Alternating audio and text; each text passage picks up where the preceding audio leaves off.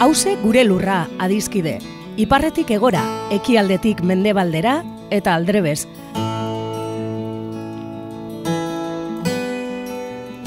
Lurra bakarra dugu edo gaituen lur bakarra da hause.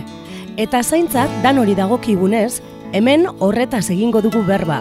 Lurraren zaintza kontu ekonomiko, ekologiko eta politikoa da, baita kulturala, kolektiboa eta publikoa.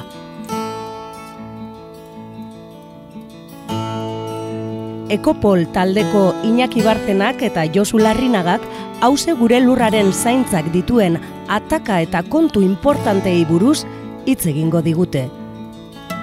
Lurrosoaren erasoak ezin garaitu zezakeen hiri bat ikusi nuen ametxetan.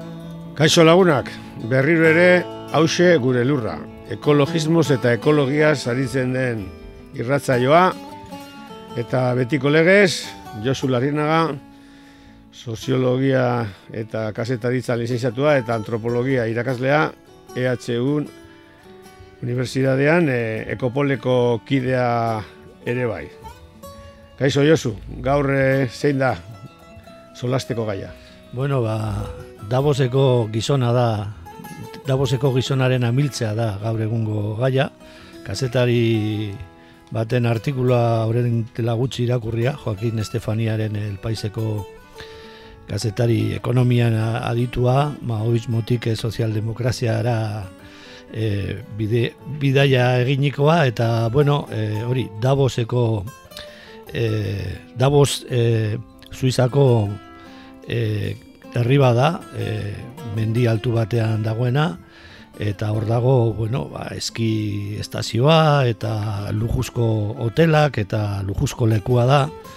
E, han kokatu zuen Thomas Mannek e, Mendi Magikoa novela famatua eta ara ere joaten dira Euskaldun berbala piko batzuk e, Fermin Etxegoienen e, azken novela, Totelak izenekoa. E, asko egiten dute Toteloiek eta e, bueno, Davosera doaz Maserati gorri batean, eh, Euskaldun bikote baduara, eta bueno, en fin.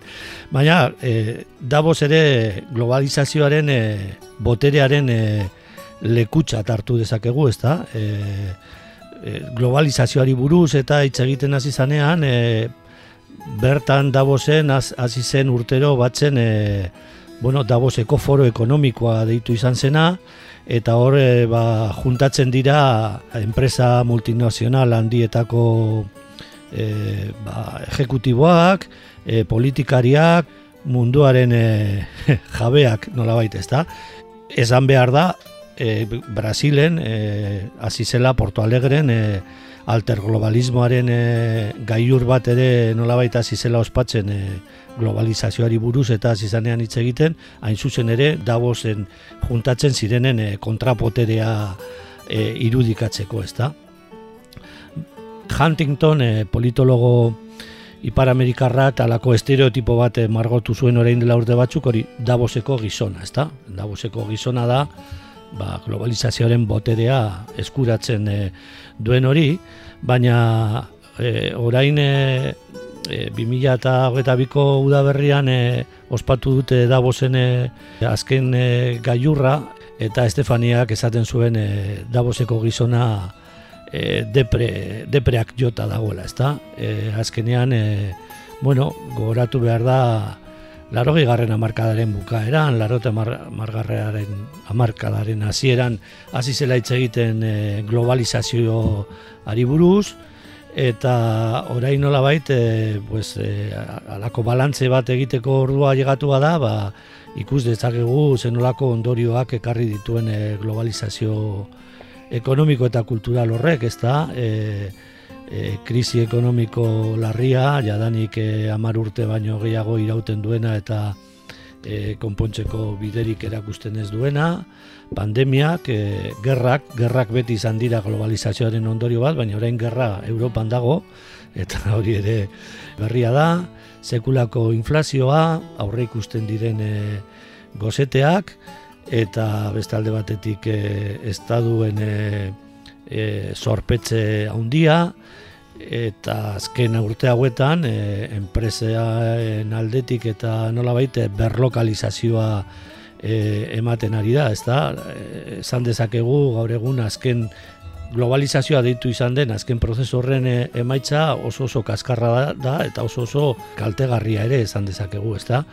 Hor benetan e, nik uste dut ekologismotik e, deitu zaio aro honi deitu zaio azelerazio handiaren e, aroa, ezta? Eta globalizazioa baino izena proposago da, ezta? Globalizazioa esan dezakegu e, mendetan zehar eman den e, prozesu bat e, dela, behintzat e, amasei garren mendetik e, ona irauten duen prozesua, baina azken azelerazio hori bi fenomenoen gainean kabalkatu zen, ezta? Alde batetik e, erregai fosilen erabilpenaren e, intensifikazio handi bat, aldaketa klimatikoaren e, aregotzea ekarri duena, aldaketa klimatikoaren e, nolabait ezin frenatze e, ekarri duena eta gaur egungo ataka zibilizazionala e, ekarri duena, e, beste alde batetik komunikabideen alorrean ematen den aldaketa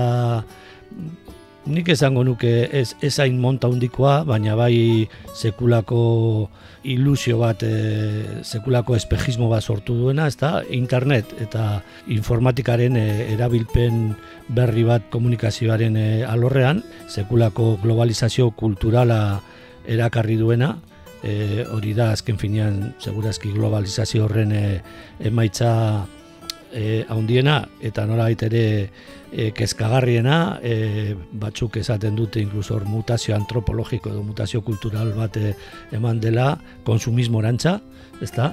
Eta azelerazio horrek, ba, bai, ekarri du e, urte batzuetan e, ekonomia aldetik alako espejismo bat ere, ba, leku askotan e, pobrezia maila batzuk, e, maila larrienak jeitzi dira, baina beste alde batetik desigualdadea e, sekulako gorakada ezagutu du eta gaur egun prozesorren ajea datorrenean eta prozesorren ajea danean inflazioa eta gozetea eta bar, ba, ezberdinkeria horrek askozaz e, arazo larriagoak e, ekartzen ditu eta askozaz arazo ere politiko handiagoak ekartzen ditu jende askoren ezin egona eta jende askoren azerrea sortzen delako eta azerre hori askotan ez dago ez daukalako nondik e, bideratu, ez da.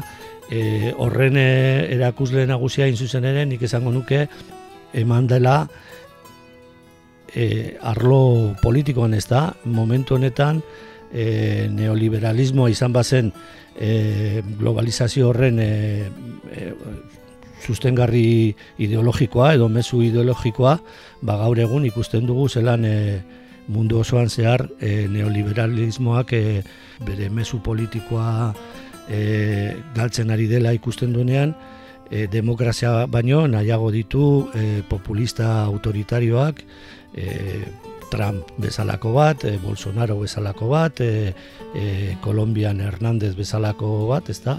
Hau da, figura autoritarioak, figura ez demokratikoak, baina hobe hori tezkerreko politikak e, implementatu aldituen politikaria baino, ez da? Neoliberalismoak nahiago ditu ez demokratak, de ezkerreko demokratak e, baino, ez, e, sozialdemokrata nola baite neoliberalismora ere pasatu diren sozialdemokratak gaur egun iaia arriskutsua dira neoliberal puro jentzako, ez da? Hori da Davoseko gizonaren amiltzea edo Davoseko gizonaren krisiak ekartzen duen ere e, beste mm, ondorio e, politikoa, sekulako desordena eta sekulako e, bueno, ba, gerra kulturalak eta gerra kultural horietatik benetako gerrara ez daki zenbat e, zenbat espazioa geratuko den, ezta?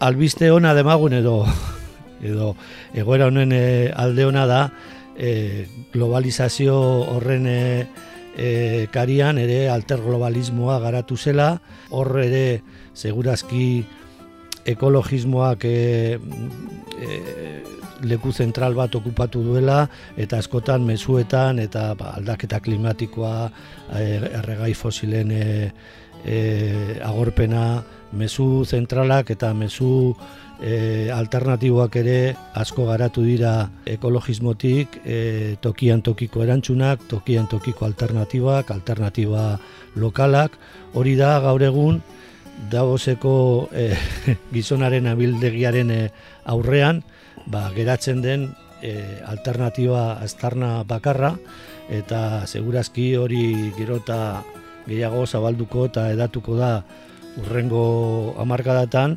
e, azken azelerazio handiaren e, eta mildegi horretatik irtetzeko eta eskaladari e, pizkanaka, pizkanaka e, e, ekiteko, ez da? Oso ondo, Josu, ba, zure berbak e, entzunez gero etorri zait burura, Claro, hor eh, Davoseko e, foro ekonomiko mundialaren bilgune hori, ez? E, beti orakulo ekonomiko kapitalistak e, ba, bueno, ekoizten ditu urte zurte esateko gauza nola, nola egin behar diren, ez?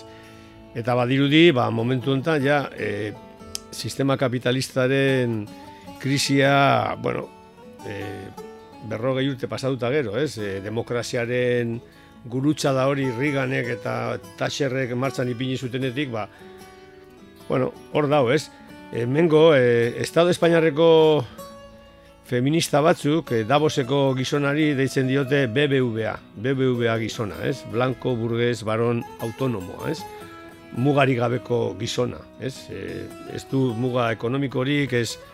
esertarako bez, ez, ba, garraiatzeko, bizializateko, karo, ja, kapitalismoak edo, edo elite ekonomiko korporatiboek ezin dute ukatu, ba, krisi ekosozial oso handi baten garela, zuk esan duzun bezala, desberditasunak handitzen ari direla, eta honek, komentariaren bigar, bigarren atala, ez, e, aben azelerazio bat eman da, baina mugak, mugak e, agertu dira, ekologistek planteatzen dituzten mugak, bai energetikoak, bai klimatikoak, bai e, lurrak e, eta eta urak markatzen dituzten muga horiek, e, materialak, e, biofisikoak agertzen dira. Eta naiz eta zuk esan duzun bezala, ba azelerazio horrek bi hanka izan, hanka, bueno, energia fosilen hanka hori, hori kolokan dagoena petrolioaren gailurrarekin, baina baita ere beste ardatz kultural horretan zabaldu dan, azeleratu dan, internet eta eta teknologia askoren eta hor dago bigarren puntua ba, badirudi badirudi e, erakutsi digute e, gaur egungo komunikazio teknologia berri hauek ez dutela ez dutela mm, oinarri materialik, ez dutela energia konsumitzen, oso errez kargatzen dira, oso errez, oso askar mugitzen direla, baina ez dugu ikusten, eta hori oso interesantea da, adibidez Adrian Almadanek e, eh, biento zuren idatzitako artikulu bat, horretaz, internetek badu bere atzetik izugarrizko e, gaztu eta eta oinarri material eta eta energetiko bat, jendeak ikusten ez duena, ez?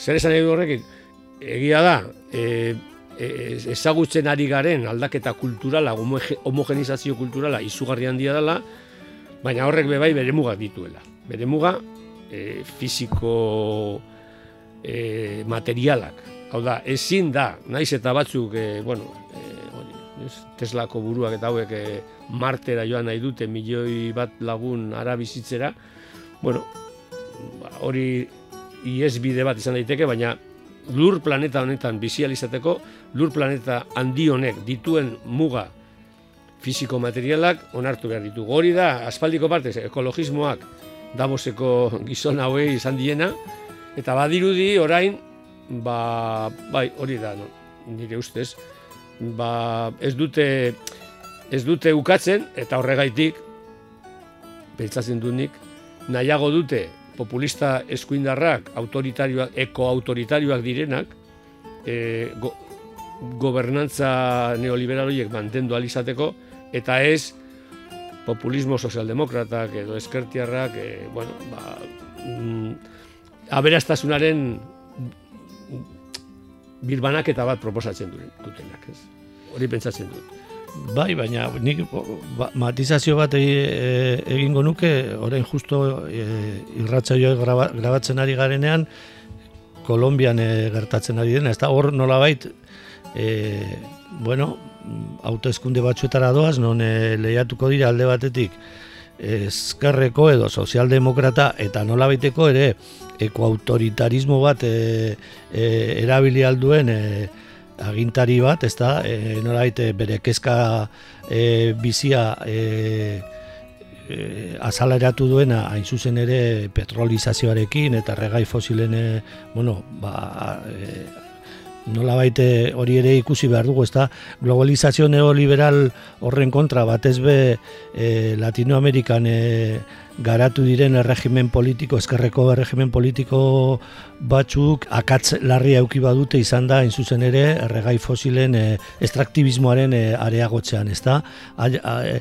Ailegatzen denean aboz bat ere esaten duena, bueno, estraktibismoarekin ere dugu ere gure herria eraikiko, e, sistemaren aldekoek, e, sistema ekonomikoaren aldekoek, e, nahiago dute bilatu ba, populista e, erabat ez, ez ezaguna eta erdi erotxat hartu daitekena, baina nola esaten duena dana ongi dabil eta segitu aldugu e, konsumismoan eta parrasta honetan, e, mezu liberal eta serioak baino, ez da?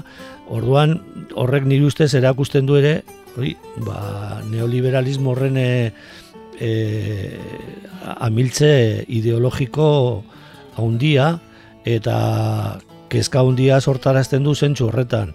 E, nire ustez ere problema da gaur egun autoritarismo antiekologista bat sortu sortu daitekela leku askotan, ez da nolabait esaten duena e, ez diogu begiratuko aldaketa klimatikoari, ez diogu begiratuko e, sistema ekonomikoaren agortzeari eta segituko dugu parrandan e, e, lehertu arte. Bai, bueno, matizazio hori onartu da, e, ez dut esango e, eskumati datozen politika ekonomiko eta energetiko eta klimatiko berriak denek onartzen dutela krisi ekosoziala, ez. Badaude batzuk oraindik negazionismoan edo business as usual dana jarraitu behar duela agortu arte, ez. Bai, baina beti pentsatu dugu be bai Latinoamerikako eskerreko populismoa azkenengo 15 urtetan Argentinan, Perun ez hainbeste, baina Bolivian eta Ekuadorren eta Venezuelan ikusi duguna eta orain adibidez eh, Mexikon ikusten duguna ba extractivismoa no, oinarritu direla eta bueno, Álvaro García Linera que hori Evo Moralesen eskuineko esku ideologikoak esaten zuen berro, lareun bosteun urtetan egon gara extractivismoan eta orain lau urtetan ezin gara extractivismotik aldegin, ez? Ez, baina areagotu egin da, areagotu egin da, ba, petroleo, gazan, e, e, oianeko rekurtzoak, litioa, eta bar, eta bar, eta bar. Orduan, hor dago koska, orain, komentatzen duzu Kolombiakoa, Kolombia eredugarria izan daiteke. Badaude, badaude eskerreko, bueno, e, indar populista berriak, estraktivismoaren politikak kolokan jartzen dituztena. Ez, ez dira asko, zoritxarrez, baina nire gustorako e, urrengo urteetan horti joango da, horti joango da, leia, hau da, e, zer egin krisi ekosozialaren aurrean, ez? Estraktivismoarekin jarraitu, edo beste politika energetiko, klimatiko eta material berriak egin, ez beste politika publikoa desberdinak. Nire ustez hori mai gaineratzen baldin bada ondo goaz.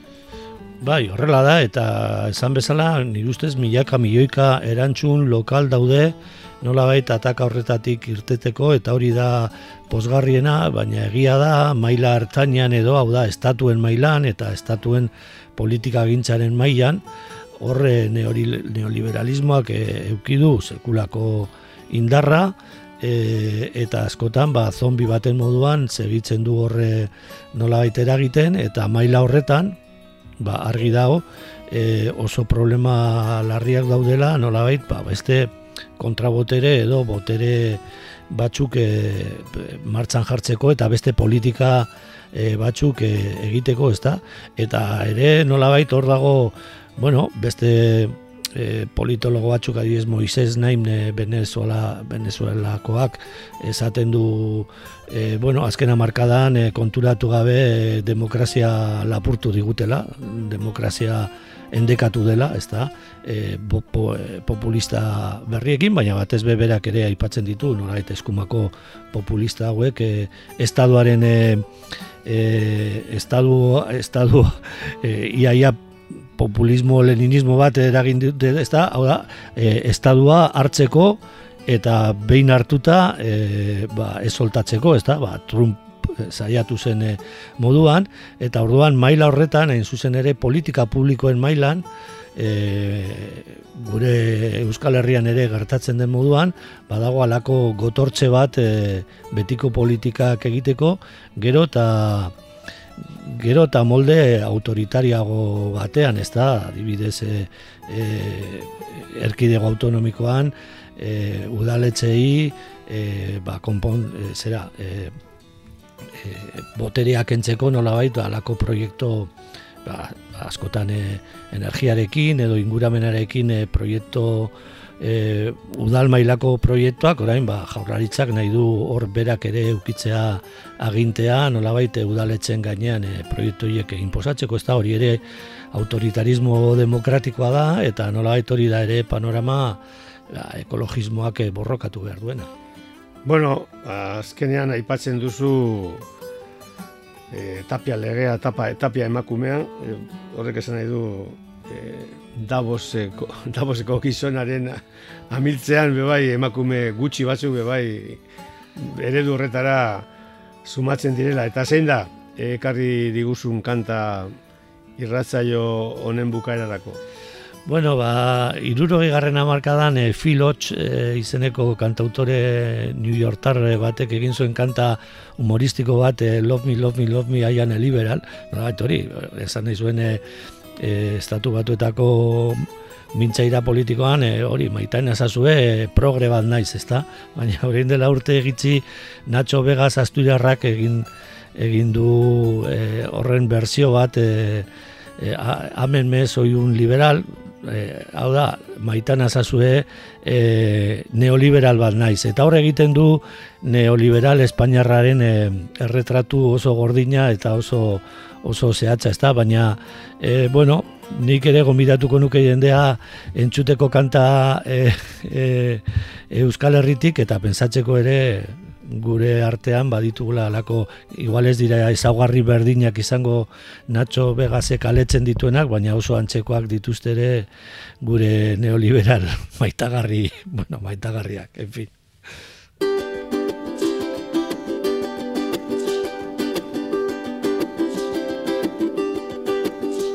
Recuerdo aquellos 90, todo empezaba a ir bien.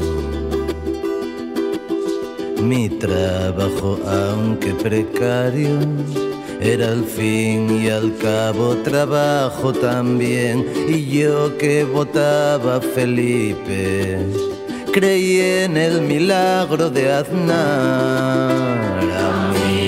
Amigos míos, ámenme, soy un liberal.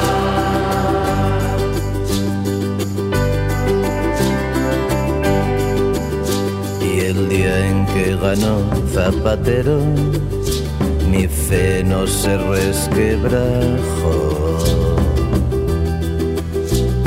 Privatizamos más suelo y nos preocupamos por la inmigración. Y yo adoro a rumanos y a negros. Si están lejos de mi portal. Amigos míos amenme soy un liberal.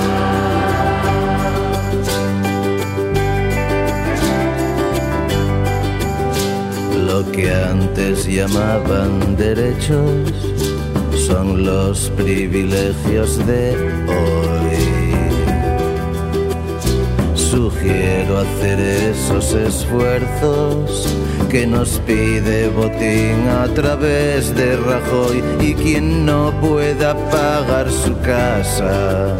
¿Será que algo habrá hecho mal? Amigo Amigos míos, amenme, soy un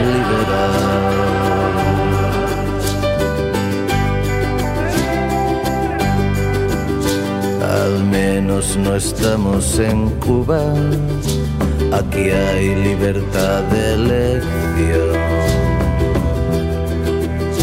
Yo puedo elegir libremente la carcasa de mi flamante smartphone y aunque a veces me incline a la izquierda, mayormente en lo social, amigos míos, amenme, soy un liberal.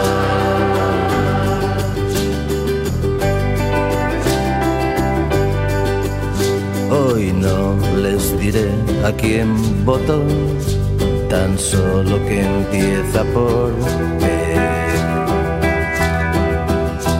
Me gusta citar a Churchill, de él. Y si un día nos agobia el mercado, pues ya se autorregulará. Amigos míos, amenme, soy un liberal.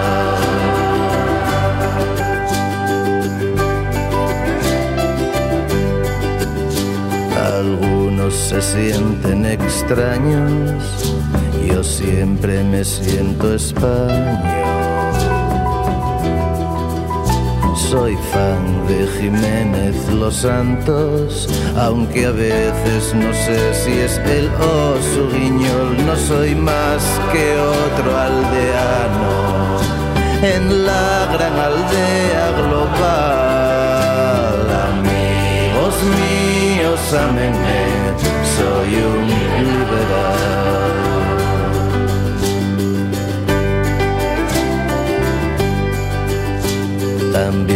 Una vez yo fui joven, fui de manifestación. Hoy gracias al libre mercado me he convertido en libre pensador.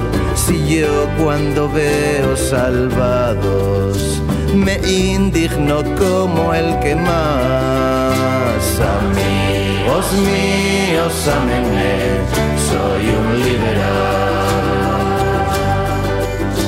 Ah, Amigos míos, ámenme.